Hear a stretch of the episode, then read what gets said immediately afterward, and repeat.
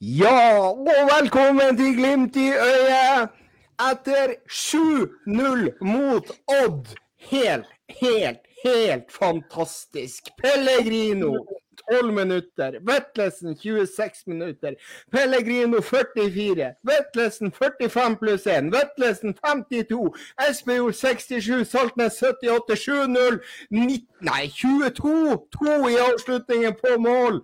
Det her, det her er det den beste kampen vi har spilt? Det skal vi diskutere, kanskje. Og så får vi se litt. Er det 2020-form? Eh, men først og fremst så må vi ønske velkommen panelet.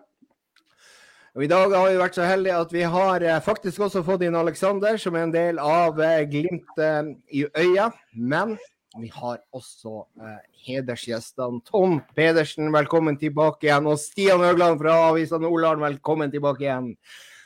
Stian, du, eh, vi ble litt forsinka, for du, du, kan jo fortelle litt hvor du er?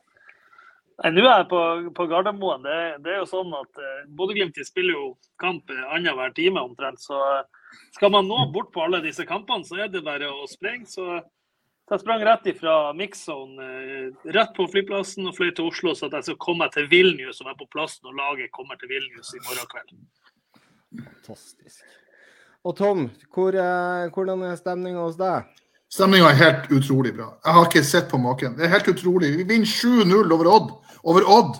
Det er sjukt. Altså, hadde Odd lagt neder sånn som Kristiansund med to poeng, så hadde vi vært greit. Men vi slår et lag som, som jeg tippa langt oppe på tabellen før sesongen. Jeg trodde de faktisk skulle gjøre det veldig mye bedre enn det de har gjort nå. Så uh, det er helt sjukt. Og det ser jo ut som at toget nå virkelig er på gang. altså. De har starta og kommet seg i fart. Det er som en sånn her, Jeg har venta på Glimt. Har, det er som en tretrinnsrakett. ikke sant, som du, eh, Vi gamle husker jo når vi satt og så på Eh, fra NASA at de skulle starte de her eh, rakettene som skulle opp i verdensrommet. og Så starta de én eh, motor og to motorer. Så kom de ikke i gang skikkelig, så ble det utsatt. Nå er Glimt i gang! Nå har vi fått alle rakettene, og fyr på alle rakettene. Nå er toget fra Bodø i gang. Og Aleksander, hva du føler? Nei, det er deilig å se syv skåringer. Nå har man jo blitt ganske bortskjemt med mange skåringer av Glimt på Aspmyra de siste siste par kampene. Men eh, deilig at man gjør det i en ganske viktig kamp i Eliteserien, for man har fortsatt noen poeng opp til eh, Molde og Lillestrøm. Så det er en luke som skal tettes. Men så kommer også Rosenborg og VIF eh, bakfra, så det er viktig å, viktig å vinne alle kampene man spiller. Så er det veldig deilig å skåre såpass mange mål, for målforskjell kan jo potensielt bli viktig etter hvert, siden det er ganske jevnt i toppen. Så deilig, deilig, med nok en overbevisende seier selv om det er ganske tett kampprogram. Så det er viktig. Absolutt. Og da har vi jo 40, skåra 44 mål. Molde har vel skåra 35. Det er andreplassen på skåra mål. Stian, yes. er du der? Jeg er du har, du har jo vært i mix-zone i dag. Føler du at det er 2020-vibes der nå? Jeg prøvde jo å, å lirke litt på akkurat det blant spillerne, men uh, de er jo så dørge kjedelige på akkurat det området, og det elsker jeg egentlig. Men eh, for de, de snakker om nei, det er nå prestasjon, og sånn, de prøvde å lure det hit at det, det, er kjørt mot Salgiris. Nei, hvis vi tror det er kjørt, så vi må huske vi er halvveis. Og, så det er litt sånn det, Ja, det er 2020-vibes på at de tar overhodet ikke av. Ikke et lite sekund på at de har vært, levert en strålende kamp i dag. Det er ikke snakk om å, å klappe seg sjøl på skuldra mer enn uh, nødvendig. Og, og, så nei, de, de holder beina på, på, på, jorda. Det er jo som det blir sagt her, at hvor viktig det er. For det er fem poeng opp til Molde. og Man har ikke råd til noe særlig slip-ups. Eh, så vinner man absolutt alle seriekampene som er igjen, og Molde gjør akkurat det samme, bortsett fra at de taper mot Glimt, så blir Molde seriemester. Så, så, man kan ikke rote vekk poeng, og spesielt ikke på hjemmebane. Og vi vet at det blir en, en høst med veldig tett kampprogram. Så, de, så enhver en kamp med tre poeng er viktig ennå. Men de kjedelige svarene, ikke det et tegn på at vi virkelig er på, på vei nå? For det har liksom ikke vært like kjedelig uh, tidligere. Uh, nå er de jo der, og nå er de der også med de kjedelige svarene som gjør at de faktisk er på stasjon, alle mann. Ja da, nå føler jeg at det, jeg føler ikke at det har vært et problem i år at de har holdt på å si, tenkt fremover i, i tid. Nei, det, det, det syns jeg ikke. Det, de har vært de er ganske gode. De, de, er veldig, de er ikke ganske gode, de er veldig gode på å holde det, det fokuset. og det, det, er vel kanskje noe av det som har imponert meg mest alle disse årene det har vært suksess nå på Aspmyra. At de beholder roen og at de er Ja. ja altså, altså vi, er, vi er da Altså etter etter Linfield borte, så har vi en målforskjell på 24-1. 24-1, og det ene målet ble sluppet inn i Ålesund. Ja, det er for dårlig. Men, og, og, det var jo et uh, vådeskudd av noe av det sykeste vi har sett. Men uh, uansett så er det jo det at det her har skjedd noe nå. Vi har begynt å, finne hverandre. Og jeg tror den brikken med Salvesen var utrolig viktig. Jeg syns han spiller en fantastisk kamp i dag. Uh, så det er i forhold til det presspillet. Hva du tenker Stian der? Var det, var det en viktig brikke? Altså, Salvesen er ei klassesignering, og det har man spesielt i det du sier med presspill. Det er det ingen tvil om. Eh, så begynte vel Glimt å finne litt eh, kruttet før han kom også, såpass ærlig må vi være. Men de har jobba voldsomt med akkurat dette. Eh, du ser nå så er det mye mer trøkk i bevegelsene. Det er mye, litt mer snert i alt de gjør. Og det er flere bevegelser som kommer inn i boks. Og så har du spillere som har selvtillit og trua på at de kan dra av en mann og skape ubalanse med det. Ikke minst Joel Umuka, som er helt rå på det. Men også Hugo. Eh, Ulrik begynner jo å finne formen. Eh, ja, altså Du ser folk komme på løp, løp på løp på løp inn i boks. og Da er, nytter det ikke å bare stille opp en femmer og en treer eller en firer foran det. For da, da blir det ubalanse når folk kommer på de løpene. og, og det er vel litt i det de sier også i, uh, i Mixed i dag, det er at de, de er klar å de har funnet litt, knekt en del koder i forhold til det, det 5-3-2 som de ofte møter. Ja, absolutt. Det, det, er jo, det jo det 5-3-2. ikke sant? Nå hjelper det ikke å pakke inn eh, Hagen, og nå hjelper det ikke å eh, legge seg bakpå. Vi finner rommene, vi har Muka. Og, eh, og der eh, er det jo liksom Altså, jeg ser jo det at det er enkelte som reagerer på muka sin. Eh, at han ikke setter en mål. Og der tror jeg du har noe å si, Tom. Ja, men for, Først så må jeg si, altså ikke misforstå meg, jeg er lykkelig gift med en fantastisk kone. Men jeg syns det var deilig å se på Saltnes i dag. Det var deilig å se at, han, at plutselig så, så, var han seg sjøl på, på, mange områder. På mange måter så var han seg sjøl. Og det var deilig å se på. Jeg tror han er i ferd med å finne seg sjøl igjen, og da, da er vi uslåelige, rett og slett. Han er nøkkelen, tror jeg. Jeg ser jo et par situasjoner, så har jeg enda litt å gå på. Avslutning. Ja, avslutninga. Han kommer i posisjon, og så er det bare et lite steg til som skal, eh, som skal til. Hvordan er det på trening, Stian? Skårer han mye mål på trening? Er det ja, du, tror de trent, du, tror, du, tror de har trent mye i det siste? Ja, de hadde jo trent i går, ikke det? de spiller, det er jo bare restitusjon og litt formasjon. Det, i, går så, I går så dro jeg, jeg hadde fri i går, så dro jeg for å se på treninga og kose meg litt. og da, da kom de utpå, og så spilte de litt possession, eller varma opp og spilte en pasningsøvelse. Spilte de possession, og så tusla alle de som skulle spille i dag, i garderoben. Men de sto og skøyt litt fri. Joel, Joel han skårer mål. Eh, men så tror jeg nok eh, han er 19 år, og det er litt, Amal snakka litt om det der etter kampen i dag. Å lære seg denne, det å være i disse posisjonene. Hva er lurt å gjøre? Eh, hva skal man ikke gjøre? Og Der, der har nok Joel eh, fortsatt noen steg å ta, men, eh, men eh, som Amal sa, når han knekker de, de, stegene, så er det bare takk og farvel. Da drar han. Ja, det, men vi, nei, vi skal ikke snakke om det. Da, da, skal vi ikke selge han, ikke sant Alex? Han skal, han skal være helt til han er helt til han er ordentlig klar for å ta det neste steget. Og, og det steget bør være ekstremt. altså det, det, bør være til en bedre klubb. Og den klubben der spiller i lyseblått, akkurat som Glimt gjorde i 2009. Eller hva det var, kanskje 2007.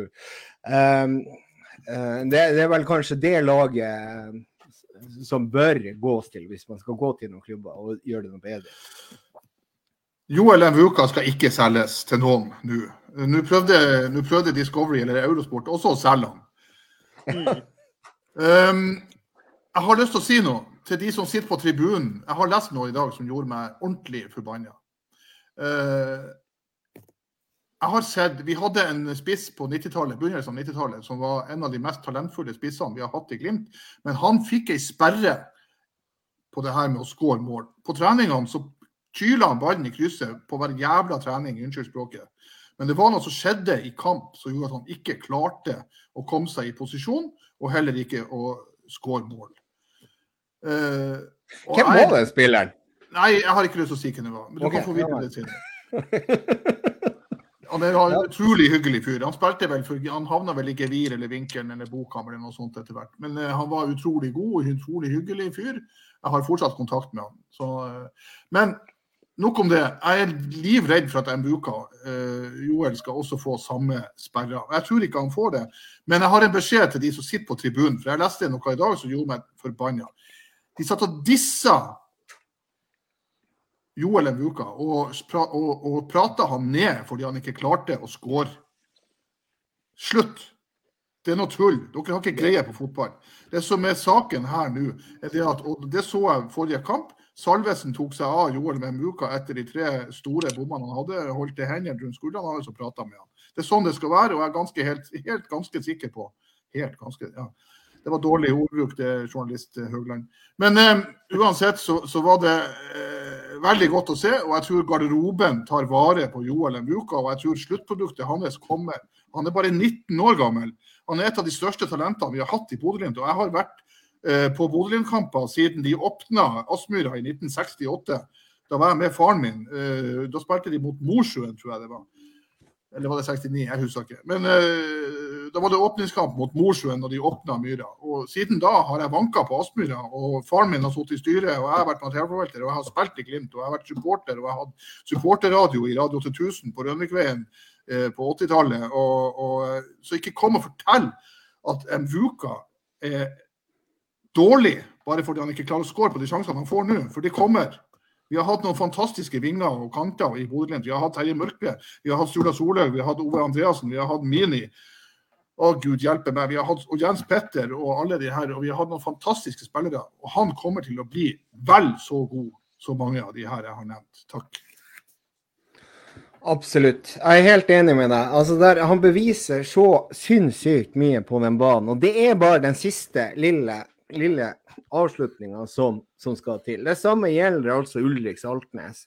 Eh, for, å, for, å toppe, for, å, toppe akkurat, for å få den tieren på børsen som eh, Stian, var det du som la børs i dag? Nei, det var ikke meg. Det var, det var ikke deg? Det var Freddy. Det var Freddy, OK. Men uansett. Eh, Ulrik, han har også akkurat Han kommer litt for sent inn. Og så kan han skåre, som vi har snakka om tidligere i vår, så kan han skåre en to-tre mål ekstra i dag.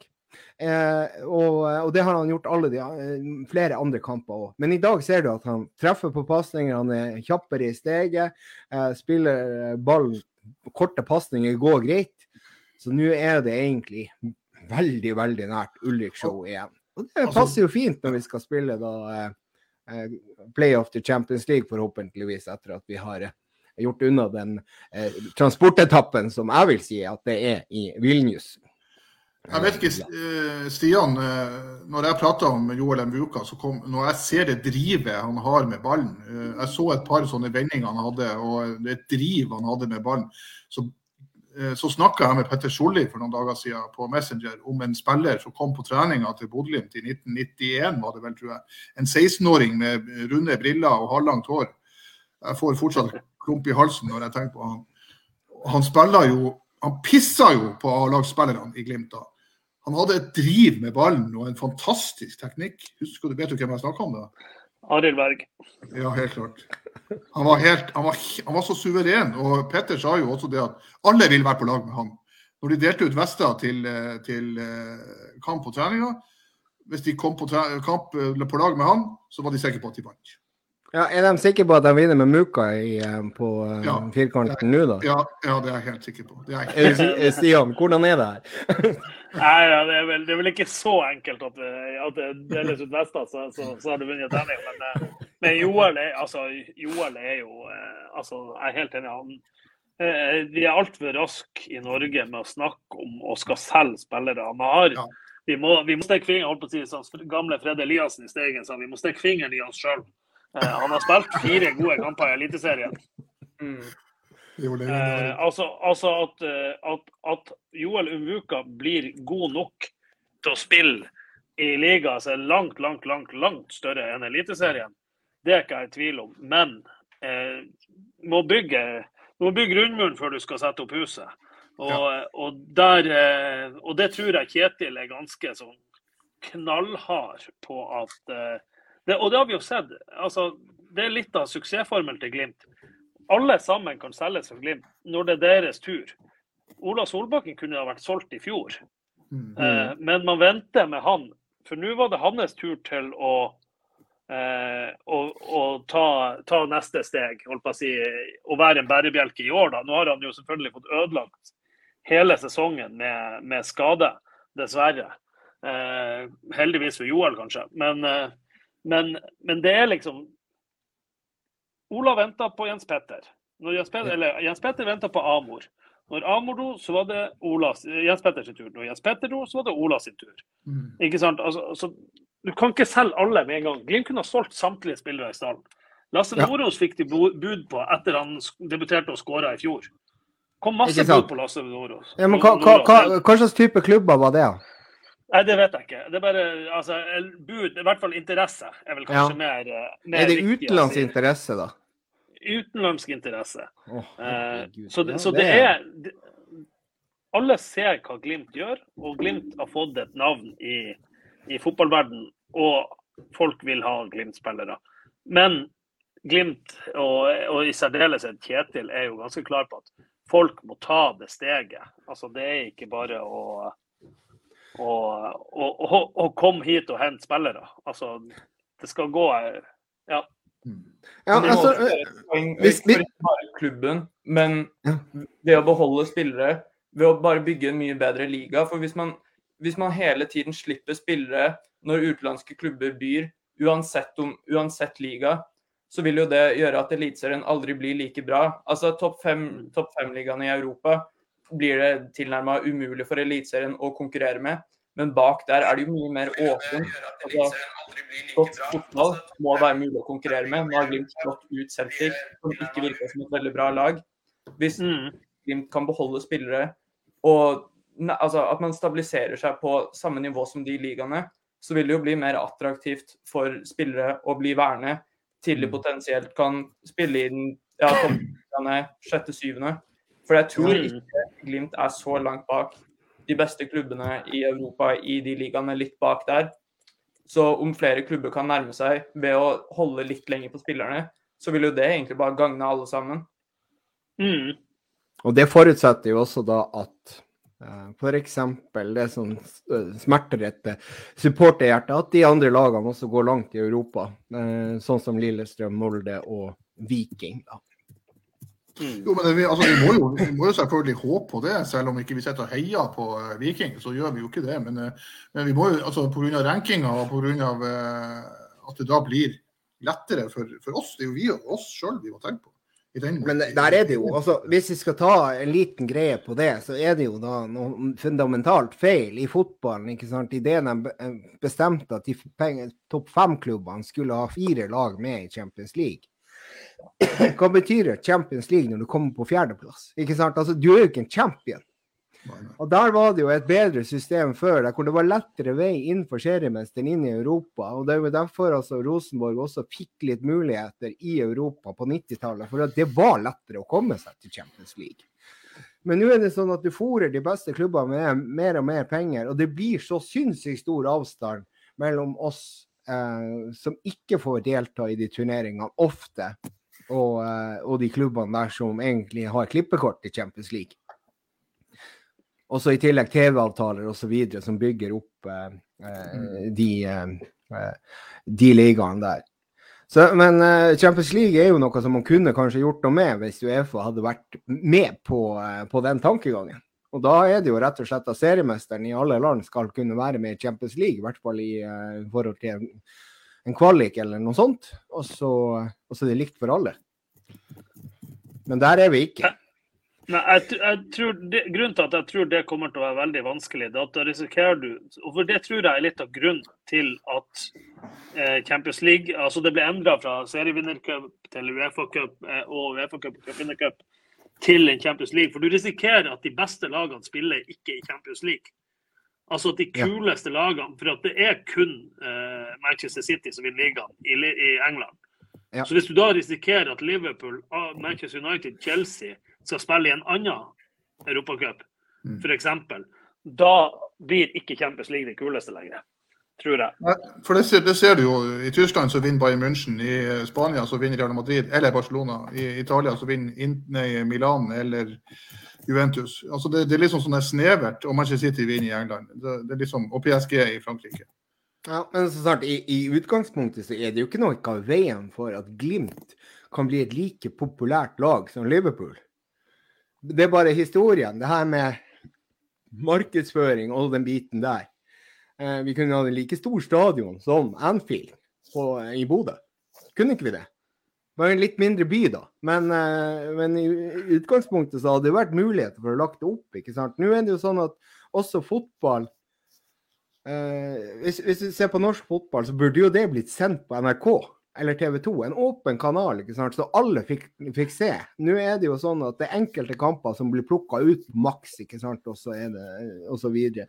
Så hvis man skal få interessen opp for si, lokal fotball, så, eh, eller norsk fotball, da, så bør jo de her TV-avtalene gå til en, en eh, en type eh, der hvor du ikke må betale flere hundre kroner i måneden for å se kampene, alle kampene.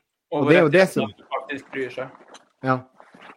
Men, eh, men eh, hvordan, hvordan skal du da få ja, Ja. Jeg skal si, Hvordan skal du da klare å få disse pengene som man hopper på, til å skulle kunne lønne disse spillerne for å velge å være i Norge, kontra å fære til, fær til Nederland og tidoble lønna si?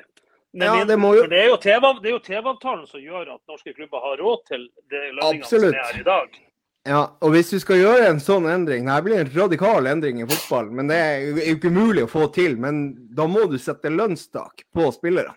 Ikke sant? Det er ikke Ja, lov og- å tjene mer enn x antall millioner kroner i året. Og det gjelder over alle ligaene i hele Europa.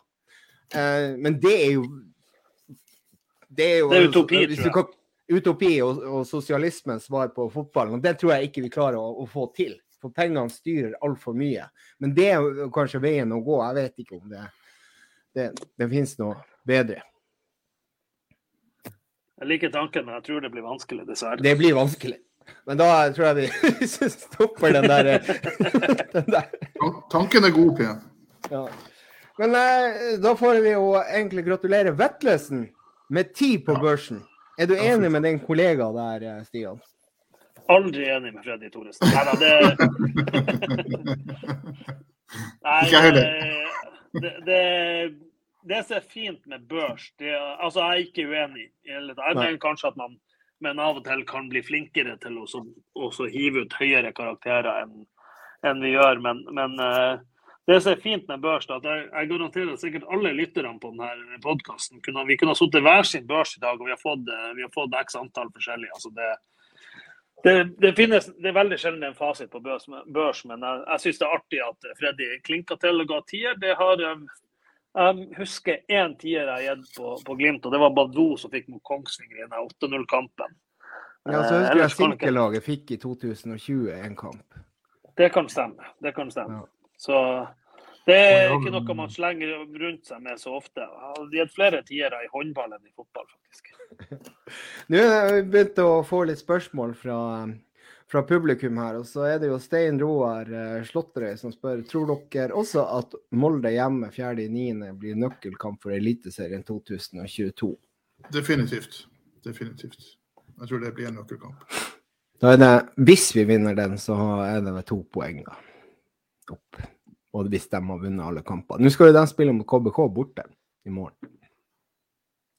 Ja, det blir, det blir tøft nok. Jeg tror ikke, jeg tror ikke eh, Molde roter vekk noe poeng der, dessverre. Men eh, det er jo lov å håpe.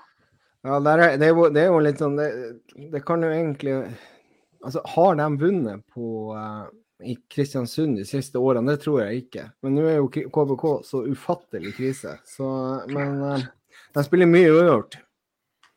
Ja, nei, en, en, et, et poengtap for Molde, da er det jo Da er det plutselig likt hvis Glimt slår de på, på Aspmyra 4. november. Nei, er helt riktig, og så er vi foran på målforskjell. Men nå- bor jo jeg og Aleksander vi bor jo midt i Lillestrøm-land. og eh, Skal vi avskrive Lillestrøm da? Det er jo sånn Glimt og Molde det er snakk om da, eller skal vi avskrive? Kommer Lillestrøm til å dabbe av? Kollaps?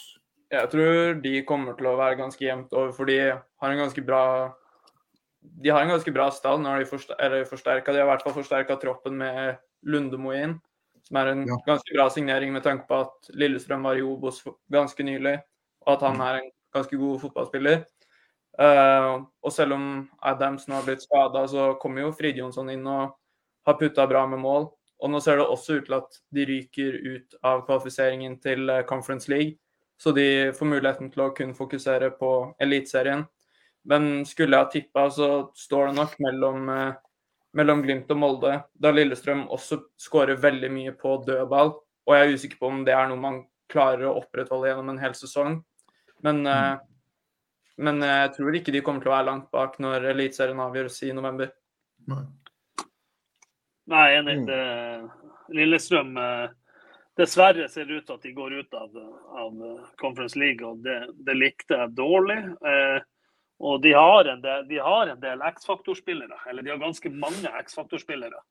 Eh, helt fra dere nevnte, eller fra du nevnte dødball til, eh, til Fridtjonsson som kan stå stang inn, så, så er det liksom der å, å, og klare å nullstille mellom hver kamp. For det er jo ofte en utfordring. Ja, og hvis, når du er oppe i toppen der, og det er jo et rimelig godt press på Lillestrøm også, da. Eh, Jeg vet ikke om Men de har bra er veteraner som kan eh, hjelpe de som ikke har vært med og kjempa i toppen før. Altså Helland har jo vunnet Eliteserien x antall ganger og vært med der.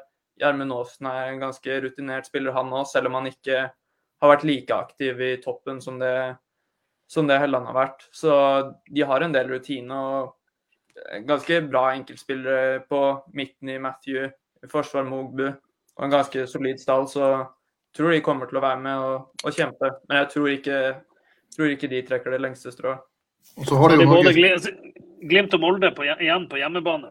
Rosenborg og Vålerenga borte, men Glimt og Molde på Åråsen. Mm. Glimt og Lillesund, mener du, Stian? Eh, nei, altså eh, Lillestrøm har Glimt Glimt har, nei, Lillestrøm har både Glimt og Molde igjen på hjemmebane. På Åråsen. OK, Ja. på Åråsen, ja. OK, OK. ok. Ja, da får vi nå se hva, hva Det det, jo bringer. Glimt og Åråsen, det er jo ikke akkurat uh, Vi har vunnet tre kamper der siden 1977. De kvitta oss med det spøkelset med Botheim i fjor. Nå, nå er det bedre tider i vente på Åråsen. Ja, jeg har vært på Åråsen altfor mange ganger, eh, og det har ikke gått så veldig bra. Så, men eh, det gikk bra i fjor. Så, men jeg skal bare se, Audun Bensten. Eh, Det lukter litt at vi har spissa formen inn mot CL-kvaliken. Hva du tenker der, Stian? Er det her eh, Er det en, en forventa formstigning fra Glimt? Eller er det rett og slett at vi har fått spillerne tilbake igjen? og vi kan spille på flere strenger og har litt mer fart på, på treningene, kanskje. Uh, nei, igjen, de har, Eller- de har de har ikke treningene. sett- Ja, jeg har ikke sett, sett at de har trent siden jeg kom hjem fra ferie 24.6. Uh, men, men jeg tror det jeg tror det går på, det at flere av disse uh, nysigneringene har knekt koder på Glimt-fotballen. Så tror jeg det er på at de har jobba veldig, veldig mye med video. Og, eh, og det lille de har vært ute og, og gått på feltet. Eh, hvordan de skal bryte ned 5-3-2, 5-4-1. Eh, og så tror jeg også det handler litt om at de rett og slett etter De fikk en knekk etter Roma, når europaeventyret var over. Fordi de gikk jo på ei boble der. Satt i ei boble hele veien fra de møttes eh, eh, i Spania 15.-17. januar, hva var det vel. Så var man i ei, boble hele veien til man var slått ut. Og så fikk man en liten sånn reaksjon på det. Da var det ikke bare å brette opp ermene og, og trykke på dagen etterpå igjen. Og det, det vil jeg si eh, man kan, Vi kan gjerne sitte og si at det er håpløst av dem, men det, jeg tror det er litt sånn menneskenaturen. Har de vært på egentlig to og et halvt år, og så får de en liten reaksjon, og så har de klart å snu det etter den lille ferien sin. Og er på vei tilbake. Ja, er, det, er det ferien, eller er det da, har det vært jobba aktivt med f.eks. mannsverk på, eh, på, her, på, denne, på denne biten? Jeg har ikke sett eh, Bjørn Mars sett Bjørn Mannsverk noe særlig eh, eh, på Aspmyra i siste. Jeg så han før hjemmekampen mot Linfield. Ja. Eh, ellers har jeg ikke sett han så mye der. Men at de har brukt han, ja.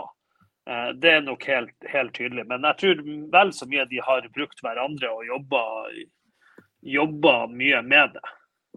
Mm.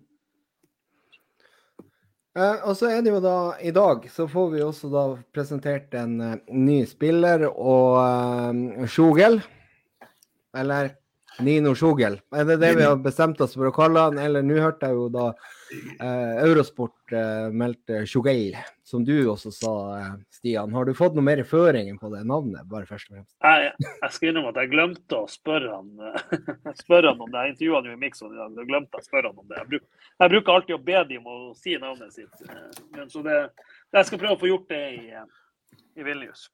Kan vi ikke bare Ja. si Ninjo? Ninjo, Nino. Nino. Nino. Nino. kom igjen. Ja, ti millioner kroner. Ti millioner kroner, Stian. Hva du forventer her? forventer en spiller som eh, nok trenger litt tid på å bli vant med måten Glimt eh, gjør ting på. Eh, og så forventer jeg en spiller som har, litt X-faktor, og som kan bli en meget god Glimt-ving etter hvert. Mm. Hva dere andre tror om han? Hva dere syns om hans innsats i dag? Alexander, vær så god. Ja, nei, altså, Han kunne jo veldig fort ha skåret et mål som ble redda på strek. Um, men jeg syns han så veldig spennende ut. sånn Ganske høy, kraftig, bra steg og ganske rapt skudd.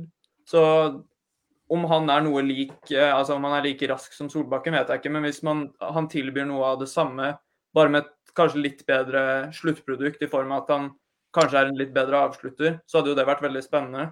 Nå, starta, eller nå fikk han jo muligheten på venstre ving eh, mesteparten av, av innbyttet. Men det virker spennende. Men eh, han kommer jo fra en helt annen liga. og Jeg tipper det kommer til å ta litt tid før man får se det beste av han. Fordi det er ganske mye han må tilpasse seg til. Måten Glimt spiller på, måten de vanligvis trener på, men nå er det ikke så mye av det. Um, men ja, det med et nytt land, ny kultur. Men eh, det virker som en spennende spiller med tanke på det lille man får sett av han. da. Ja. Jeg syns jo han virka mer disiplinert enn de andre, ikke sant? hvis du sammenligner med Pernambuco Uh, Ja, Pernambuco uh, Ja, altså, det- det... det- Prøve å tilpasse seg spillet der. Uh, jeg syns han, han, han prøvde liksom på de samme bevegelsene som vi har sett på, på Pellegrino, da. Eh, og det beit jeg meg merke i at det er jo ikke normalt når du kommer inn på 5-0 at du skal prøve å tilpasse systemet. Da skal du jo egentlig overbevise hjemme, eh, og gjerne score, eh, drille deg gjennom alle og eh, skåre mål. Det gjorde han ikke, og det gir meg litt tillit til han. Det la jeg også merke til at det var ikke så mye armer og bein og så mye bevegelser og finter og greier. Altså, han gjorde det enkle, han gjorde det trygge.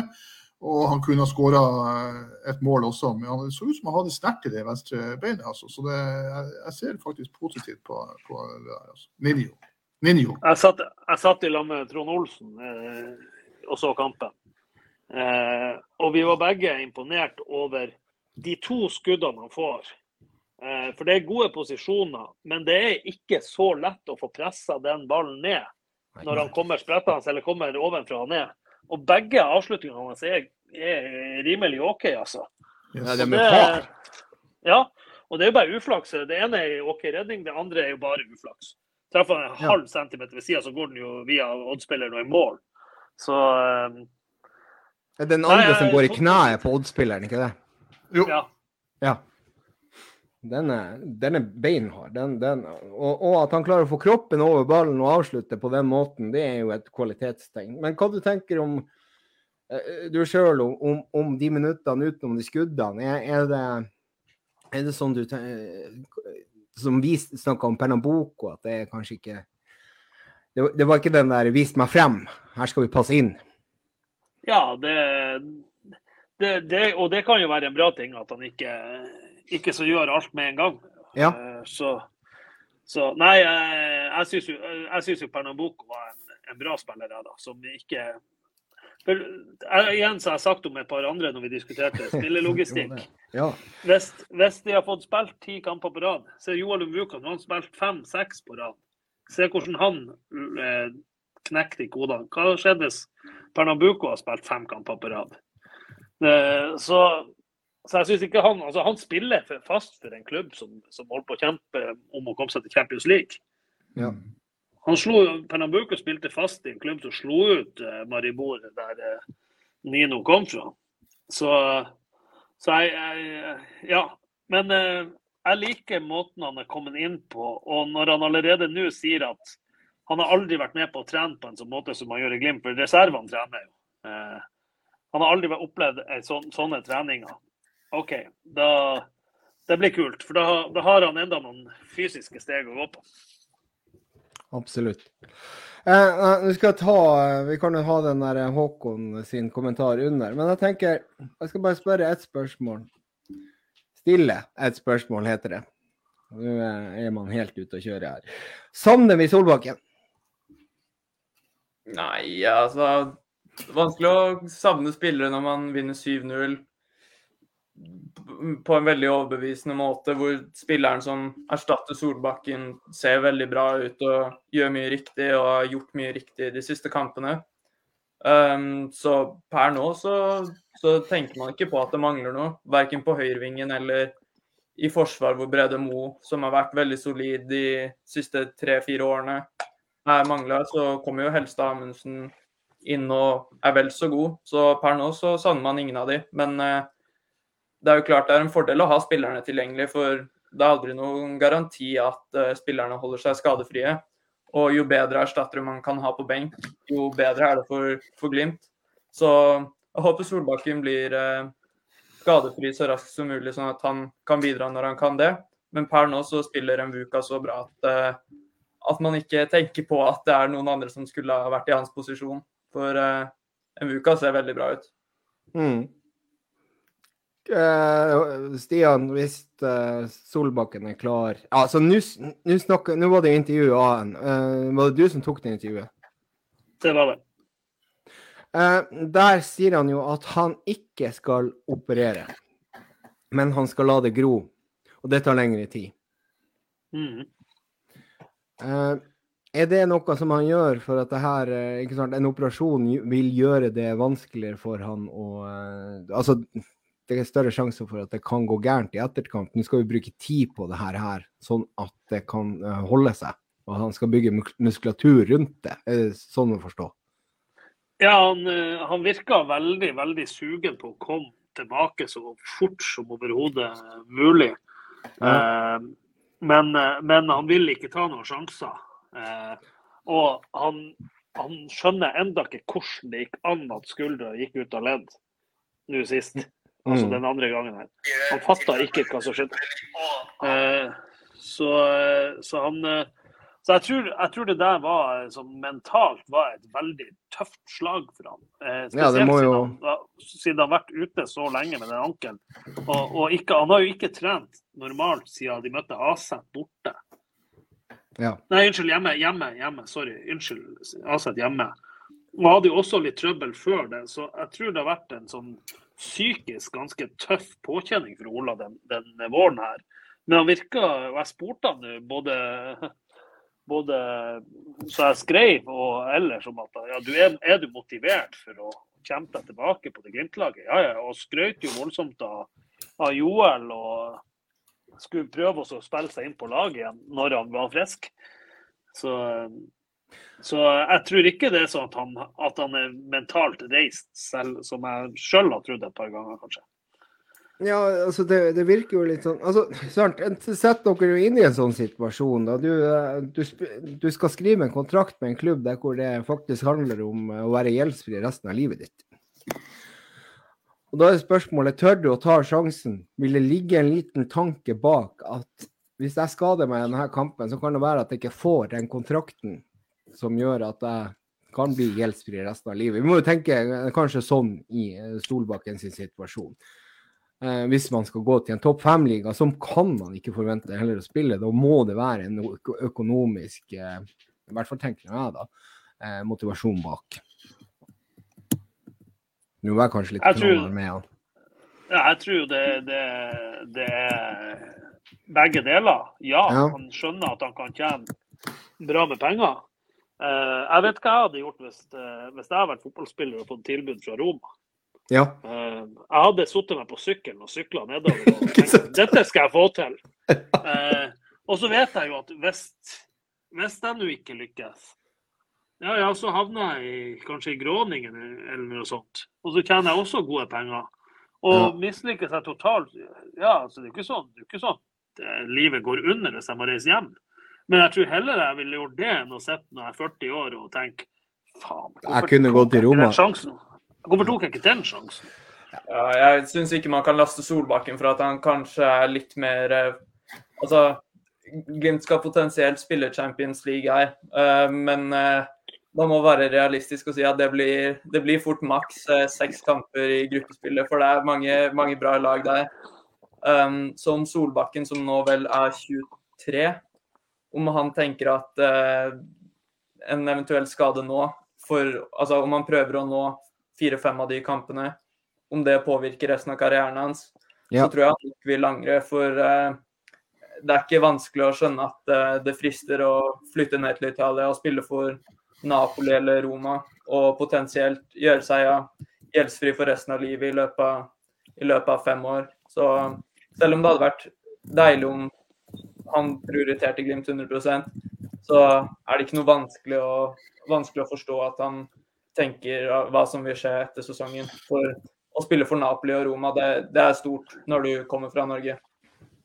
Altså for, å, for å si det, eh, De klubbene som eventuelt er interessert i Solbakken, de er interessert i Solbakken for det han har gjort i Glimt, og ikke for det han kommer til å gjøre nå og frem til jul.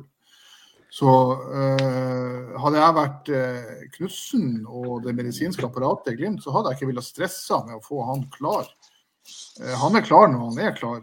Han kan være en, en supersub, som Es- Espejord ser ut som at han har blitt. Eh, Joel eh, har jo tydeligvis tatt abonnert på den plassen der nå. Så det, hvis han fortsetter sin framgang, så ser jeg ikke noe så ser jeg ikke på det her som noe problem, egentlig. Fordi at Solbakken, De lagene som eventuelt er interessert i Solbakken, de er interessert i han for det han har gjort, og ikke for det han kommer til å gjøre. Mm. Ja, og da, da er det jo egentlig Da kommer du inn på akkurat det der der. At jeg forstår han. ikke sant? Sånn som Stian også sier, han tar sykkel og sykler ned til Roma. Men da er det jo egentlig det at Spørsmålet er kan den, den avtalen kan den være signert allerede? Er det noen hypotetisk sjanse for det? Det kan være gjort en intensjonsavtale, ja. Ja, men Jeg, spor, jeg spurte, jeg hørte rykter om at Ola har signert for eh, Napoli. Og, og spurte han direkte om det, og sier nei, Ja. det er ingenting som er signert. Eller han ville ikke kommentere det, men jeg tolker, eh, sorry, han ville ikke kommentere det, men jeg tolker han som at ingenting er signert. Og at veldig mye av det som stod i media, er feil. Ja, ikke sant. Og det kan jo e- egentlig være. Men da er det jo liksom vel enda viktigere for Solbakken å holde seg i hvert fall unna å ta en for tidlig debut for Glimt og få en enda en skade, for å si det sånn. Ja, da og det, og det var han klar på at han, han gjør ikke det. det, det han var ganske klar på at han, han gjør ikke det. Han, han tar ikke sjanser på å komme tilbake for tidlig og så hoppe opp, skuldra ut igjen, sånn tilbake på scratch. Ikke for hva som skal skje videre, men pga. Sin egen Altså, du kan ikke holde på å slå skulder ut av ledd eh, hver tredje kamp. Nei, du kan ikke det. Og det, det vil jo være dårlig butikk, for å si det sånn. Ja, ja. Hvis en avtale ikke er signert. Så, Jo, men ja. også, også hvis han skal bli en bedre fotballspiller, så må han jo holde seg frisk. Ja. Det handler jo ikke bare om å skal gå til Napoli eller Roma eller hvem han skal til. Det, det handler jo om å bli bedre. Og Mm. du blir jo ikke det hvis du ikke får trent eller spilt. Veldig godt poeng. Absolutt. Nei, men da har vi nå i hvert fall eh, vært innom Solbakken. Og eh, har vi da svart på om vi savner han eller ikke? Noen gjør det, noen gjør det ikke. Den eneste jeg savner, det er Patrick Berg. Ja. det, er, det. Men Og det har ingenting med Hagen å gjøre, men jeg savna Patrick Berg. Jeg savna de der eh, Jeg savna Patrick Berg. ja, men det, det kan vel alle si i studio her at vi kanskje gjør. Men eh, en annen spiller som har virkelig tatt store steg nå, og jeg håper får lov å fortsette, selv om Brede Mo kommer tilbake igjen. Det er Isak Amundsen. Herregud, for en fantastisk spiller i dag. I dag, i dag igjen så, så tar han ansvar. Han, han, tar egentlig den defensive jobben for Hagen.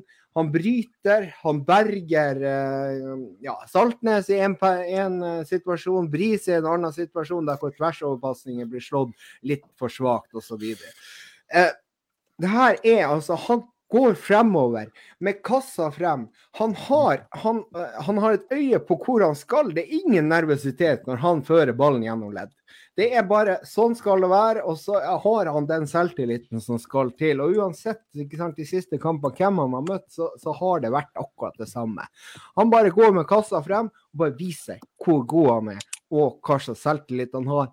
Og eh, jeg, jeg er søkk imponert over Isak Amundsen. Han er, han er virkelig imponert meg, helt klart. Hva du tenker Stian der? Nei, Isak eh, Jeg visste at han var god, og jeg så i vinter at han, at han var god. Men at det nivået han har vært på nå, eh, etter han ble hevet inn, det, det mener jeg er det råeste i Glimt i år, inkludert Joel Umbuka. For eh, hvis vi går tilbake til i vår, så var Brede Moe og Marius Høybråten første stopperpar. De hadde Jaffet Seri Larsen, som var hakket bak der. De hadde Sigurd Kvile. Og når både Jaffet og Sigurd var ute, og, en, og Brede var ute, så valgte de Gaute Vetti som stopper. Da satt mm. fortsatt Isak Helstad Amundsen og så på, som var femte-sjette-valg som stopper. Eh, og så kommer han inn og leverer og er i åpenbaring og har gjort eh, det han ikke gjorde sist gang han var her. Han spilte bra, mye bra da òg, men han har hatt en stabilitet som har imponert meg voldsomt. Han har ikke spilt én eller to eller tre gode kamper for å så ha en veldig svak en. Han har vært steingod egentlig hele veien. Litt som shaky mot Ålesund, syns han slipper et par eh, løp inn bak ryggen sin i boksen. Men bortsett fra det, nei. Årets, eh, årets åpenbaring for meg det, det, du sier nå, syns jeg uh, altså, jeg, jeg synes det blir ganske rart at uh, når han har, har, levert så bra i ja, hver kamp han har spilt, så syns jeg det er ganske uforståelig at, uh, at de valgte å risikere Brede Mo mot, mot Zalgiris. Nå forsvarte de det vel ganske greit med at han i utgangspunktet var kampklar, men jeg klarer ikke helt å se poenget med å, med å skulle vrake Helste Amundsen når han har vært så god i hver kamp han har spilt. Så, så det er litt frustrerende at Brede Moe nå er skada pga. det. Men uh, han har vært fantastisk i, hver kamp han har spilt. Brede har jo hatt en betennelse i lysken. Det er det han har vært plaga med. Og nå skjønte jeg så han har fått en strekk i lysken. Så det er jo liksom Han hadde jo trent i forkant, og de hadde jo hatt en plan om at det var den kampen der han skulle være tilbake til. Så, så er det jo lett å si nå at det burde man ikke ha gjort. Eh, så jeg, var, jeg var, diskuterte mye med Trond Olsen, og akkurat det burde man gå for eh, eh, Brede og Isak som stopperpar, f.eks. Ja. Det trodde jeg eh. egentlig var planen når Brede Mo var klar igjen. For jeg syns ja. Helste Amundsen har vist seg som den beste, beste stopperen med det høyeste mm. toppnivået. Men man ønsker vel eh, Man er vel så opptatt av det at eh, stopperne skal være delaktige i frispillingen, og at de skal være ja, veldig delaktige der. Og da er det vel en Det er jo en ganske stor fordel å ha en venstrebent stopper som venstre midtstopper. Så mulig det er det som gjør at de foretrakk eh, Høybråten foran Helstad. Ja, er det det? Jeg tipper det, ja. OK. Jeg tipper det. Jeg tipper det. Og så, ja, men... er, de vel, så er de vel ikke helt eh, trygge på at at Isak er bestandig like god. Så, og så er det jo sånn at Brede han har ikke spilt seg ut av laget heller, så Nei. det Ja. Men altså, sånn som jeg tolka det intervjuet, jeg vet ikke om det var dere AN som gjorde det, eller om det var Eurosport, eller hvem det nå Det må jo være dere som gjorde det. Eh, akkurat denne situasjonen med Brede, der sa han det at betennelsen gikk bort når han fikk strekken. Uh, ja. ja. Vet du noe mer om det her? Nei, det var jo, det var jo Kristoffer Vollvik Pettersen som gjorde det intervjuet. Det var han som fortalte Ja. meg det, for jeg har ikke lest det sjøl. Men, men da sier han at uh, Brede sjøl sier når han nå får en strekk, så kommer jo, må han jo holde det så i ro at betennelsen kommer til å gå over. Det er riktig. Ja. Uh, Ja. Det er vel det sånn Det er sånn det er. Ja. ja. Og, og den strekken, en lyskestrekk, hvor lenge er man ute da? Nei, Nei, det er jo eh, ikke godt å si. Det, det er jo hvor, hvor kraftig setter den, setter den f.eks. Ja. Det, Det kan jo være seks uker. Det, det, det, det, det er vel det verste, ikke det? Det lengste du Ja. kan være ute. Ja. ja.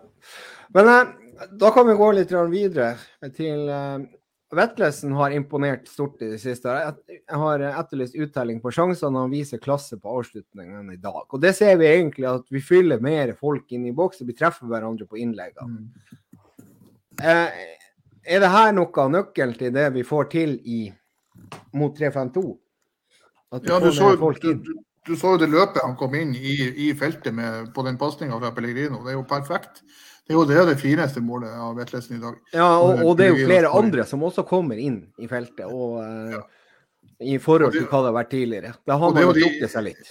Og det er jo de innløpene der som jeg syns var i dag satt helt perfekt. Og det målet Ja. der var jo et skoleeksempel. Ja, men det er jo 2020-ball. Der kommer man bare overbefolker og er i overtall inne i feltet. Og da har jo ikke de sjans. Rett og slett. Og full kontroll og smellene han opp i krysset. Det er helt perfekt. Ja, Handler det om selvtillit, det her? Det handler om trua på det du holder på med, ja. Det tror jeg. Ja. Ja, ikke bare for han, men hele laget. For Hele laget. tror alle på det, så vil jo alle altså, yte litt mer og antageligvis spille litt bedre. Men ja, det viktigste, som dere sier, er at i dag så har jo Glimt så god kontroll at hele laget er jo, er jo med i angrep. Og det blir jo mye vanskeligere å, å forsvare seg når man kun ser gultrøye rundt seg og, og de er i konstant bevegelse. Det blir jo utrolig tungt for Odd-spillerne å skulle klare å markere og holde følge med Glimt-spillerne, sånn som de Mm. løper i dag. Mm, absolutt. Uh, ja. Så, så er det jo da eh, en annen ting som jeg, legger merke til. ikke sant? Salvesen helt sinnssyke presspillet, sånn som vi har snakka om før. Egentlig litt lik eh, Geir André Herrem, kanskje enda eh, hvassere. Han mørner det eh, Odd-laget så til de grader. Presser frem den skåringa til Pellegrino. Eh, det er jo Salvesen sitt mål, der hvor eh, stopperen eh, Eller Salvesen sin assist, i hvert fall. Der hvor stopperen slår en feilpasning etter å bli pressa av Salvesen, der hvor Pellegrino setter den i hjørnet. Ja, det, du ser ganske mange, i mange andre tilfeller at vi kan sette det høye presset høyere. Du kan komme lenger frem i indreløpene fordi at Salvesen gjør en såpass god jobb i, den, i det presspillet. Noe som vi ikke f.eks. har sett fra Boniface og Espejord i starten av sesongen. Er dere enig i det, alle sammen? helt enig. Helt enig. Og så kommer, kommer eh, Så blir det ikke noe målpoeng, da, sånn sett, for Salvesen i dag. Eh, Jeg mener jo at han skal ha for den Pelle sin skåring. Men så kommer, kommer Espejord inn og bare skyter dem ned, for å si det sånn, og får seg noen mål. Så, eh, så du har jo egentlig et perfekt eh, spisspar her, der hvor eh, Salvesen sliter dem ut, og så kommer Espejord og høster fruktene. da. Så, så han blir toppskårer, mens eh, Salvesen eh, gjør grovarbeidet. Er det, er det en riktig tankegang her, Stian, før du skal gå og spise kveldsmat på Gardermoen Radisson hotell der? Ja, men jeg tror Stian må gå på den Circle K-stasjonen, der, for jeg tror de er stengt. nå. De Nei, de lover at de, skal- de, lover at de skal åpne til 11. Så det, Ok.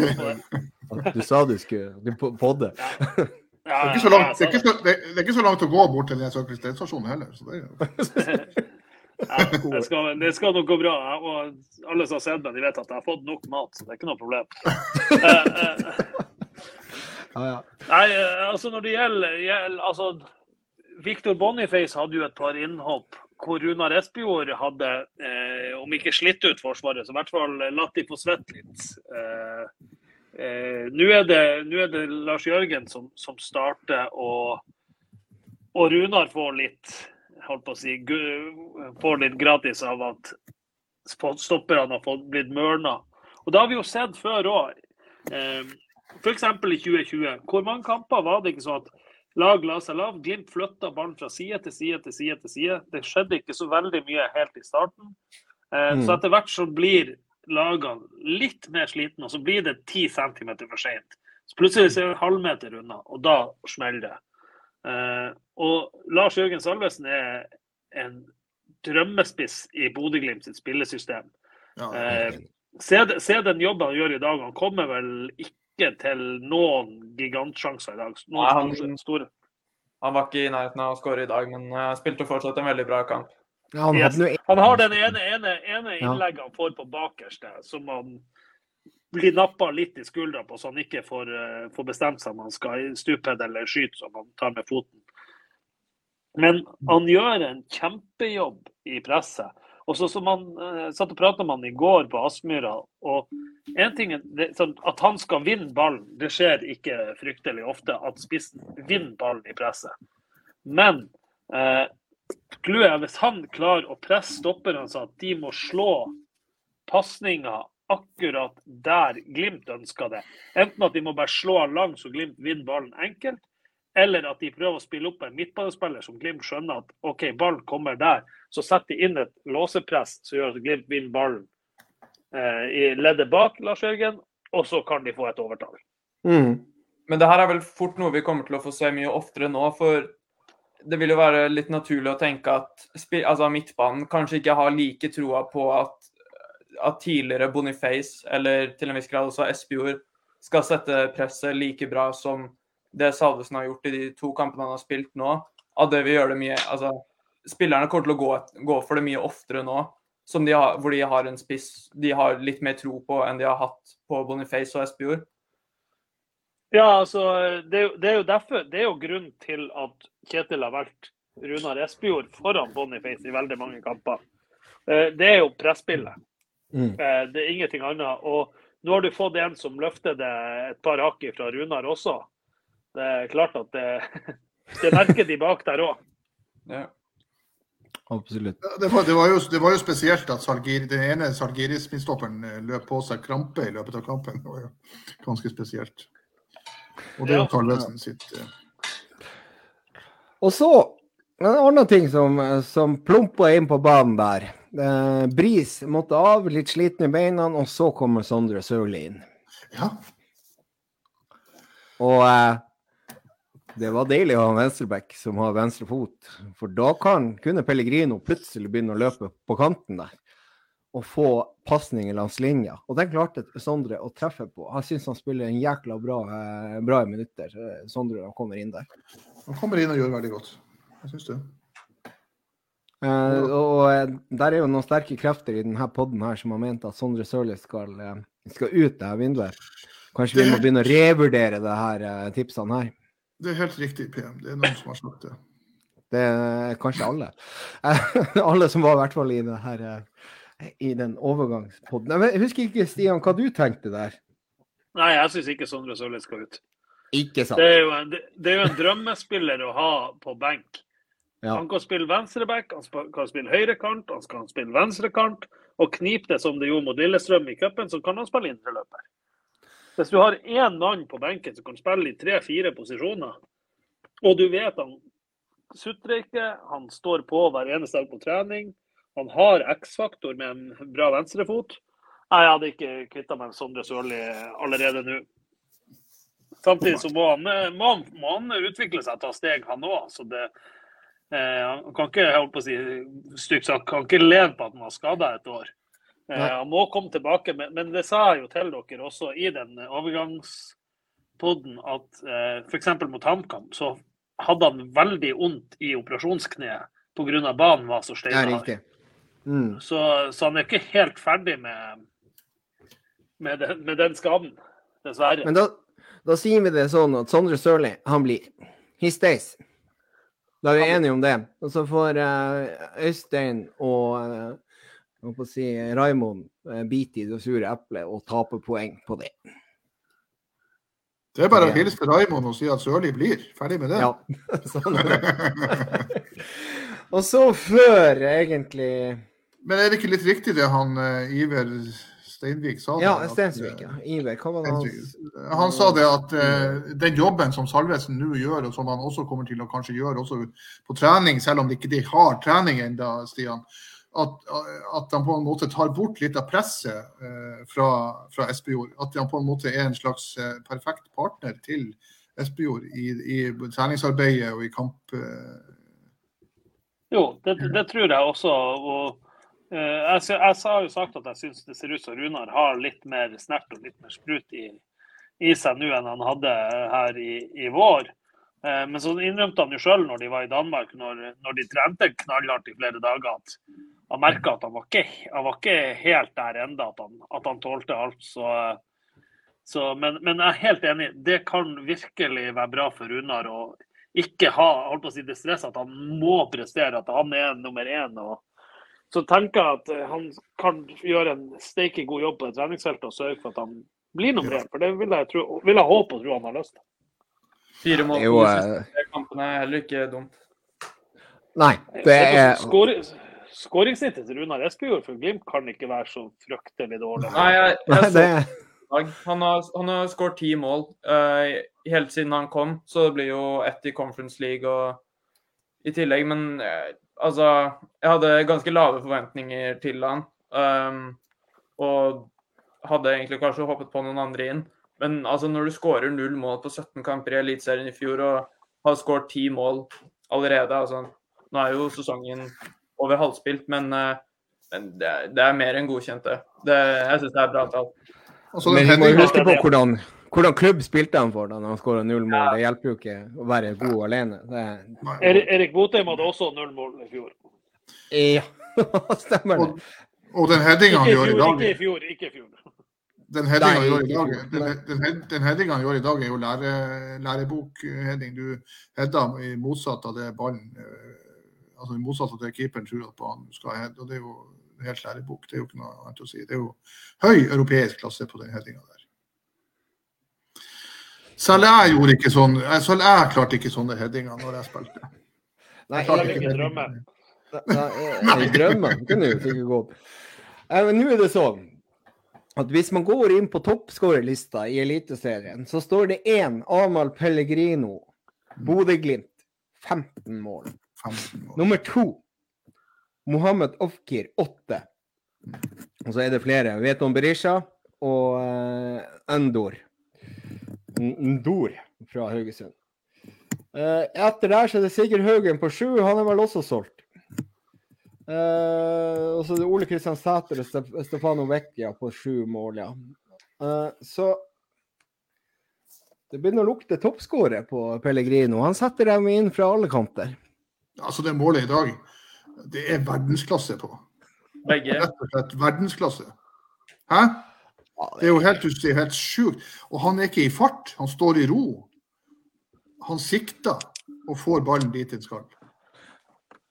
Når skal han få ny kontrakt? Marco van Bassen, gå og legg deg. Jeg spurte Amal om kontrakt i dag. Ja. og ja, det, det virka ikke sånn helt uvillig til å diskutere det. Nei.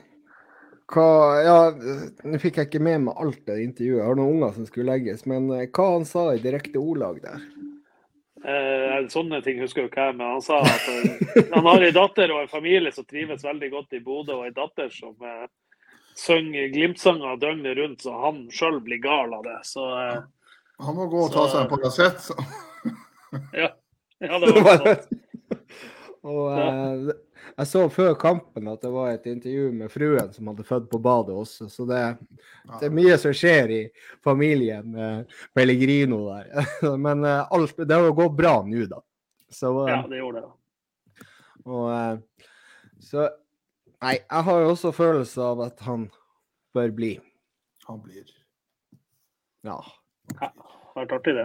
Fin, fin fyr og fin fyr og en, en, en, viktig spiller. En utrolig flott fyr. Ja. Nei, men da Han er rett og slett heil ved, som det heter. Ja, det altså, i hvert fall, hvert fall det som, som, som, vi kjenner han sånn, så er, det, så er det ganske fantastisk det han klarer å si, og hvordan han fremfører det. Så det er, det er nydelig. Men før Stian, foran Stian går og setter seg og spiser kveldsmat, så har jeg lyst til ja. å si en, en, liten morsom ting. som Jeg, jeg satt og fulgte litt med på Rosenborg eh, i dag. og så, eh, Altså, jeg er litt ambivalent i forhold til Kjetil Rekdal. Han var jo en veldig god fotballspiller, men han har en, han har en litt sånn der sur måte å være på. I dag, i dag Stian, så eh, Du hadde jo elska å stå og, og intervjue han i dag, for han var altså så misunnelig. Han sa det at eh, vi hadde to klubber i Norge som bare kan kjøpe spillere og få de til å funke med en gang. Og den luksusen har ikke Rosenborg, sa han. Og da tenkte jeg hva, hva, i, hva har skjedd? Hva, hva? Her står altså en av de mest meritterte trenerne i Norge for et av de mest meritterte klubbene i Europa, eller i Norge. Og så står han og, og misunner Bodø-Glimt og Molde for at de kan kjøpe spillere som fungerer med en gang. ja, det, jeg hadde ikke trodd på det om jeg hadde sett det. Så det Det, er- det er bare Ja, man må jo, det er jo helt sjukt. Det er jo vanvittig. Hva er det han forteller her? Rosenborg-trener står og forteller at det er urettferdig at andre lag kjøper spillere. Nei, det er det beste jeg har hørt. Og det, og, det, og, det, og det morsomme er jo, og det syns jo jeg er litt trist, da, fordi at han har nettopp gitt en, eh, en ung danske sjansen i dag, fra, eh, og som til og med skåra i debuten sin for Rosenborg. Og så sender han sånne signaler. mm. Det syns jeg jo er litt uh, teit. Ja, det var jo uh, For en observasjon, Tom. Og det Ja, her er jo... det, jeg ble helt I, Iver Steinsvik kommer her og forteller at kassa til Rosenborg er veldig tom. Og den blir jo ikke noe fullere av at man ikke klarer europaspill i 2023. For det tror jeg skal holde hardt der i Trøndelag. Du må jo ta tredjeplass, må ikke du det? Jo, eller vinne cupen. Ja. Som ikke fortsatt. Ja, Det her blir jo gøy å Nei, følge Ro, med. Ro, Rosenborg eh, de er jo i aller høyeste grad med. Ja, det er bare tre poeng ja. så skal ikke avskrive det. Nei, men jeg må håpe det var bare Ja, det, Ja, vi håper på det verste. Ja, det håper på det verste der. Det er viktig. Nei da. men uh, men det, det var det jeg skulle egentlig Skal vi se her. Jeg hadde én ting til. Hvor jeg hadde skrevet den. Altså eh, Ja, det var overgang. Stian, skjer det noe mer nå? Eller tar vi det litt med ro før eh, vi vet hvor, hvordan gruppespill vi skal spille i? Jeg tror det kommer til å skje noe mer uten at jeg, uten at jeg vet noe. Så, så, så jeg at hver eneste gang jeg prøver å ringe Håvard Sakariassen, så er han i telefon. Hver eneste gang jeg ser Håvard Sakariassen, så er han i telefon. Eh, så, eh, så jeg tror jo at Glimt ser at de, de er nødt til å gjøre noe, f.eks. i midtbaneleddet. For hva, den, den smell som Ulrik Saltnes fikk i Ålesund, det er jo et guds under at ikke det ryker noe i det kneet der. Eh, så, så jeg tror at Glimt ser at de må ha noe mer i midtbaneleddet, all den tid Sondre Brunstad Fete er ute resten av sesongen. Og så har de Anders Hognes Konradsen, men hva skjer hvis han med sin eh, litt sånn shaky kropp også ryker? Da begynner det å bli tynt. Det var jo tre spillere med isposer i dag etter kampen. og, og, det er jo litt sånn, altså Pellegrino han har jo isposer fra anklene opp til hårrota. Og Ja det var vel og- Hugo og Ulrik også som var litt i is. Ja, og Bris vil jeg tro også hadde det. Også. Mm. Men, eh, men, men eh, Hugo har det Nei, unnskyld, Amal har det hver eneste gang. Det, Ja, ja. eh, så det, det var ikke noe nytt, men eh, ja. Men altså, hvis vi ikke får indreløper, så får jo jeg og deg rett i gjennombruddet kanskje på, eh, på Sjøvoll. Ja, kanskje. Da, plutselig må de bruke han, og det er mange som bare må ha blitt brukt som som har bare tatt rollen og gjort det til sin. André Hansen gjorde det i Bodø-Glimt. Stefan Johansen gjorde det i eh, Godset når de, de bare måtte bruke han sentralt for at de, Abu ble solgt. Så tok han sjansen med begge hendene og gjorde rollen til sin. Så det Nei, Men det var, det var jo fordi at det var lengre vei fra Varilhus til nærmeste McDonald's enn det var i, i Bo fra Aspmyra til nærmeste. Det er nærmeste Ja, Annas. nå nå- nå kjen- nå kjenner jeg Stefan ganske godt, så jeg tror ikke det var det som var Nei. det største Nei da, men han har, han har jo sagt det at kostholdet i Glimt i den tida der ikke var helt eh, topp i forhold til hva han opplevde i godset. Men det var Ja. ting til. Utgående kontrakter. Hvordan står vi, står vi der nå? Det var nevnt at det var noen eh, nøkkelspillere som, som er på utgående kontrakt nå, uh, utenom. Solbakken og Samsted. Er det bare dem? Nikita og Amal. Nikita. Ja, Og sett. Ja. Resten er vel egentlig dekka for 2023, er ikke de det? Jo, jeg tror det. Jeg har ei sånn liste, men den hadde jeg ikke tilgjengelig her. Så. Ja. ja, men det kan vi ta en annen gang. Er det, ingen, er det ingen andre norske lag som har spillere på utgående kontrakt som Glimt kunne eh, Som er sånn høvelig alder og Jeg tror det er verdt det. Har vi noe oversikt over det? Ja, men det, altså, Glimt vil jo kjøpe, og det var det vel snakk om han her eh, Jeg holdt på å si grekeren, men han er jo ikke grek, gresk uh, i I Sarpsborg?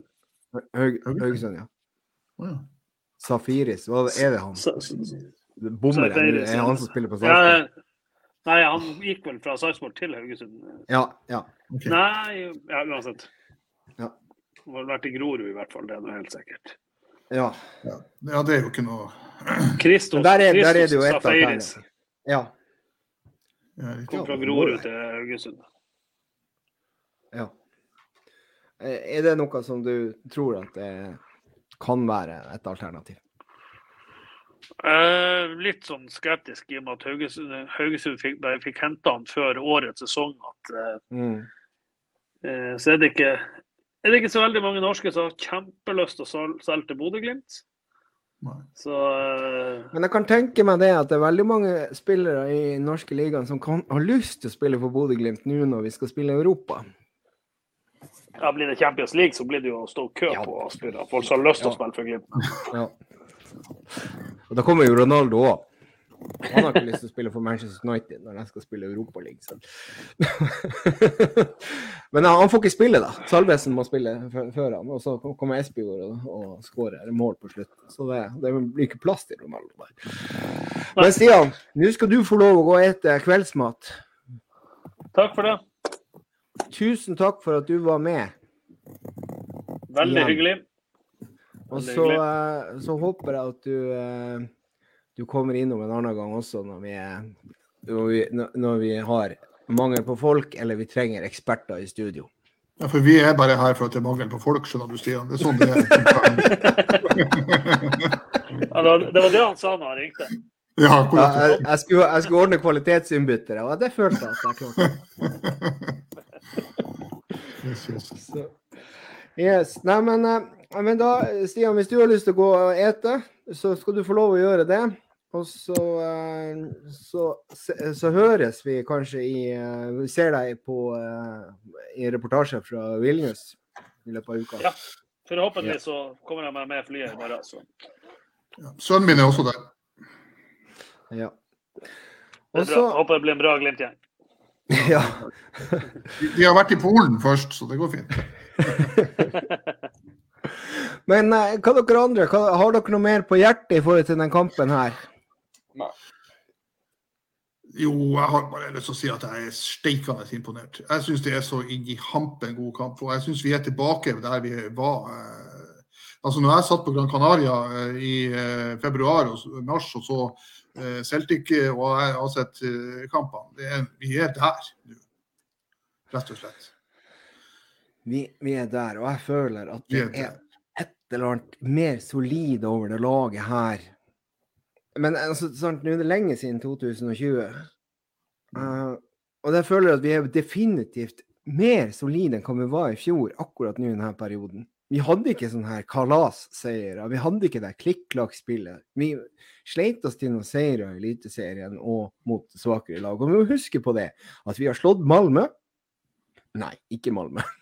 Vi har slått Zalgiri, som slo ut Malmö, og hadde sluppet inn ett mål i den kvaliken her fra før. Ja. Bare, det er bare å smake litt på det. Samtidig så har vi slått Jerv. Vi har slått Odd. Odd som vi har tapt mot. Nå har jeg riktignok Odd eh, også solgt unna Lauritzen og hva var det en annen han, Kitolano. eh, på bekken. Eh, men allikevel så er det ekstremt sterke seire, og vi kjører dem så i senk som det er overhodet mulig å gjøre. Kampene er altså så ferdig til første omgang at du kan egentlig bare gå ut i halv gir i andre omgang. Og vi legger oss jo ikke ned heller. Ja, og vi legger oss jo ikke ned heller, selv om vi leder 4-0. Altså, vi bare fortsetter å pumpe på og pumpe på. Ja. Altså, det minner meg litt om Mike Tyson på 80-tallet. Altså, han hadde jo vunnet kampen etter første runde, men han bare smalt på uansett. De hadde jo ikke en sjanse. Det, det, er liksom det som er at vi, vi bare går på. Vi smeller på. Vi fortsetter. Men det som er forskjellig fra 2020, sånn, spør du meg, er at nå er det litt mer laget. For altså, i 2020 så Altså, med Sinkernagel og Hauge på de vingene der, altså midtbanen kunne jo Hadde de ønsket det, så hadde ikke de trengt å være med i angrep. For Sinkernagel eller Hauge hadde gjort noe helt spesielt. Og, og få, hadde Junker mottatt ballen, så, så var det skåring. Så de er jo mer avhengig av at hele laget skal, skal være med og fungere og bidra i angrep enn de var da. Selv om midtbanen i stor grad var med da òg. Men mm. uh, det er litt Altså, det var utelukkende lagspill da òg, men litt flere kvaliteter i, blant enkeltspillerne. Men eh, det ser veldig solid ut som et lag nå, fra, fra forsvaret opp. Så jeg vil ikke si at laget er like bra som i 2020. Men de viser veldig, veldig, de samme taktene som i 2020 i forhold til at de feier motstanderne av banen og avgjør kampen tidlig. Jeg er enig med unge Alfheim. Ja, og hvor skriver Ja, unge Alfheim, ja. ja. Er det ikke det etternavnet ditt? Som ikke skulle nevnes. Ja, jeg får høre det hver gang på Twitter at uh, jeg har ikke jeg på Glimt, jeg, men uh, ja. Så går det. Ja. ta, det, ta, ta, det, som en mann. Ta det som en mann. Det går fint. men, men uh, det der er jo litt interessant, da. U21-landslaget, midtbane, Hove, Vetlesen, Hagen. Mm. Ja, jeg tror jeg nevnte det i en uh, chat at uh, med en gang det virka som Eriksen var klar for Molde, at det bare var å slenge penger på bordet og prøve å gå for Hove. Nå har vel han tidligere sagt at at det egentlig bare er utlandet som er aktuelt for han. At han ikke ønsker å spille for noen annen klubb i Norge. Um, og dessverre så har jo vi betalt uh, Strømsgodset godt med penger for Salvesen, så de er kanskje ikke i så stor økonomisk uh, knipe som de var før det. Men om man har 10 millioner, uh, 10-15, er villig til å si opp mot 15, så tror jeg ikke det er noen dum investering for hodet. Altså Nå har jo Molde brukt 20 millioner på mannsverk. Som jeg, må ta, jeg må ta fem minutter. Ja. ja. Mannsverk er kanskje et større talent enn det Hove er. Men han er en landslagsspiller for U21-landslaget. Har vært god i Eliteserien i, i to-tre år. Så om man kjøper han, så tror jeg det er et veldig god signering. Og jeg tror ikke de taper penger på det. Nei, det gjør vi ikke. Eh, og, og, en annen ting er jo det at HV må ta en vurdering. Ikke sant? La oss si skal, i, i, verste fall så skal vi spille et gruppespill i Europa League. Vi skal møte kanskje lag som Manchester United, og det var jo Real Sociedad osv. Eh, det her er jo et utstillingsvindu som er mye mye større enn hva godset er. ikke sant? Og Da er det jo spørsmålet hvor kommer eventuelt tilbudene fra i sommer? Fra, eh, kommer de fra Nederland? Kommer de fra Belgia? Hva kan vi egentlig for, det er nok forventa spiller. Er, uh, ja. Det er nok der han er het. Ikke sant. Og, og, og, og, da må man jo ta en vurdering, sånn som vi snakka om Isak Mæte, eh, som tok valget og eh, signerte for Groningen. For 3-4 millioner kroner. altså, det, det er vel det han får i lønn. Og så kan du veie det opp mot å prøve deg i Europaligaen for Glimt Eh, og så er det jo da spørsmålet, ikke sant, får jeg spille? Og da, skal, da, da, må du jo også ta en vurdering av det. For du skal dunke ut Saltnes, da. Eller, eller, ja, du må gjøre det. For å kunne spille på den midtbanen. Altså, det vil jo Jeg, jeg ville ha tippet at dersom han signerer Hove, så vil han nok ikke starte for både Altså Saltnes, uansett om han er inne i en dårlig periode eller ikke, han har fast plass på det laget her. Um, og sånn som Vettelsen har vært de siste ja, mellom fem og ti kampene, så har han også det. Han er vanskelig å dunke ut. Men Vetlesen har jo levert såpass bra for Glimt. Han leverte veldig bra i, eh, i eh, sluttspillet i eh, CL. Mm. Og har gjort det bra nå i Eliteserien. Så han er nok på blokka til ganske mange eh, klubber i utlandet. Og om man allerede da har en, har en erstatter klar i hodet, så er jo det fantastisk for Glimt. Og da vil han jo få muligheten til å spille ganske viktige kamper eh, fremover for et bra lag. Så for hans del så vil det nok være ganske lurt å gå til Glimt. Eh, kanskje ikke kortsiktig, men på lang sikt. For han er jo veldig ung. Han har hele karrieren foran seg. Ja, ikke sant. Og da er det jo det. Det er det samme som vi har snakka om. ikke sant? Skal du ta sjansen på å gå til Belgia, og så egentlig La oss si havner du på benken i Belgia, så er jo veien til Norge eh, Det er jo motorvei hjem. Sant? Det, det, er jo eneste muligheten. ikke sant? Du kan si at du, du fikk noen kroner for å, eh, for å spille der, men det, det, er jo ikke noen annen grunn. Eh, hvis ikke du er helt sikker på at her skal jeg gå inn og spille. Så eh, jeg, jeg prøvde bare å se hva svarte som skjer her nå. Hvorfor får jeg ikke Jeg skal bare se hvordan fotene er. Eh, hvorfor funker ikke transfermarkt? Nå klikker jeg. Uh, OK. Uh, noen andre som kan prøve å se? Oh, nei, skit i det. Er, det, er transfermarkt nede, eller har ikke jeg betalt internettleia på telefonen? her? Du har ikke betalt internettleia på den? Satan. Uh, OK, ja, men Men da uh, Alex, du finner ut her! kan jeg få komme en Hva skulle jeg Uh, søk på om han er indreløper, og hvordan fot han bruker, og hva slags eh, indreløper Høyre fot og pleier å spille venstre indreløper. Hove. OK, samme som Saltnes, da. Men han kan jo også da spille høyre indreløper i stedet. Ja, de, eh, ja. det vil jeg Riktig. Ja. Nei, men det, det, er jo veldig spennende diskusjoner her. Så hvis eventuelt Vetlesen går Jeg føler jo at det blir hans tur nå. eh, så så så er jo HV et ekstremt uh, Se der, der kommer jo Henrik også med Henrik med HV høyrefot. Ja. Så, men det, har, det, klarte vi å finne ut med internettet ditt. Jeg vet svarte hva som skjedde. Han har en verdi på 1,3 millioner euro, så om han gir det, så det, det burde Glimt kunne by. Kan jeg få lov å komme med en liten kommentar til noen som fortjener å få et skikkelig kommentar i dag? Yes. J-feltet. Ikke bare J-feltet, men 5200 tilskuere. Ja. Eh, jeg må få lov å si tusen hjertelig takk for at jeg får lov å sitte her nede i Åsgreina, langt faen imot ute på landet i Nannestad.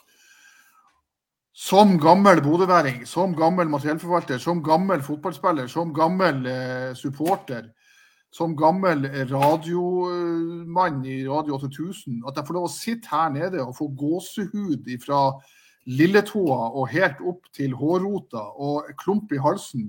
Og så kom det i tillegg noe salt, vått væske fra det ene øyet. Jeg vet da faen hva det var for noe. men Tusen takk for opplevelsen. Og når hver gang vi møtes, eh, runger ut, da smelter jeg. Da ramler jeg. Da fikk jeg nesten sammenbrudd her. Det er så deilig å høre på. Det er så nydelig å høre på. Og når jeg da tenker tilbake på 80-tallet, hvor vi satt eh, 1200 stykker og klappa eh, høflig til eh, feilpasninger, eh, så er jo det her bare himmelen. Det er helt fantastisk. Tusen takk, Bodø-publikummet og J-feltet, for en sinnssyk opplevelse. Fortsett å gi meg gåsehud både her og der. Tusen takk. Amen. Dere var vakre i dag. Aspmyra, fittegris. Det var vakkert. Det var dere står i stil med det som ble levert på banen. Helt nydelig. Når det synges 'Dæven, det er deilig, det her', og hver gang vi møtes, og Bodø-Glimt for evig, da har dere hele stadion med. Hele stadion med. Og så er det fantastisk også det her eh, Når dere sitter nede og smeller opp, og eh, det er en sånn lydmurbrekker. Nydelig jobba i feltet. Dere er fantastiske. Helt utrolig. Og publikum generelt.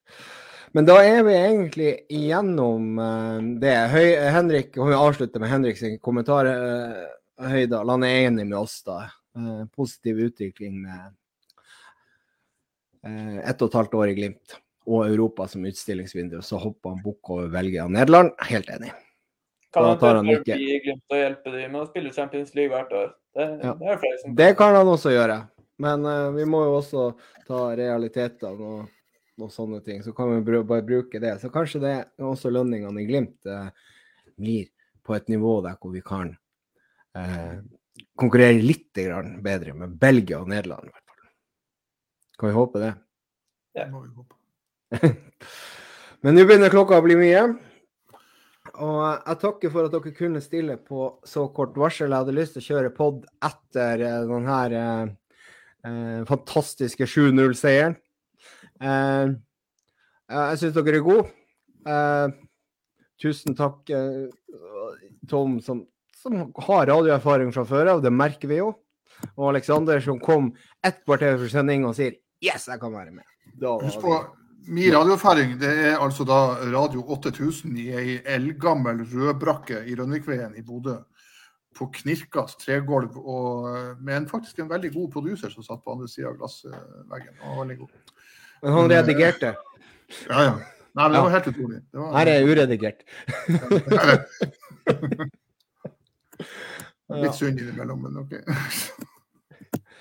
Men er det noe mer vi har på, på, på hjertet før vi avslutter? Tror vi har dekket det meste nå. Tror vi har dekka det meste. Og vi er tilbake så fort som overhodet mulig med Vi skal vel ha en pod, i hvert fall etter Linfield Nei, ikke Linfield, men uh, Zalgiris borte. Så uh, da får vi se hvem som er i studio. Kanskje det er ingen av oss, eller kanskje alle oss. Det vet vi ikke. Så uh, da gjenstår det egentlig bare å takke sponsorene våre, som er Webium og Adventure Taylor. Sa jeg det riktig nå, Jørn? Ja, håper jeg. Og Heia Glimt og fred på jord. Og da kan du eh, få lov å snakke, Tom. Tusen takk. Ha det bra. God natt. God natt.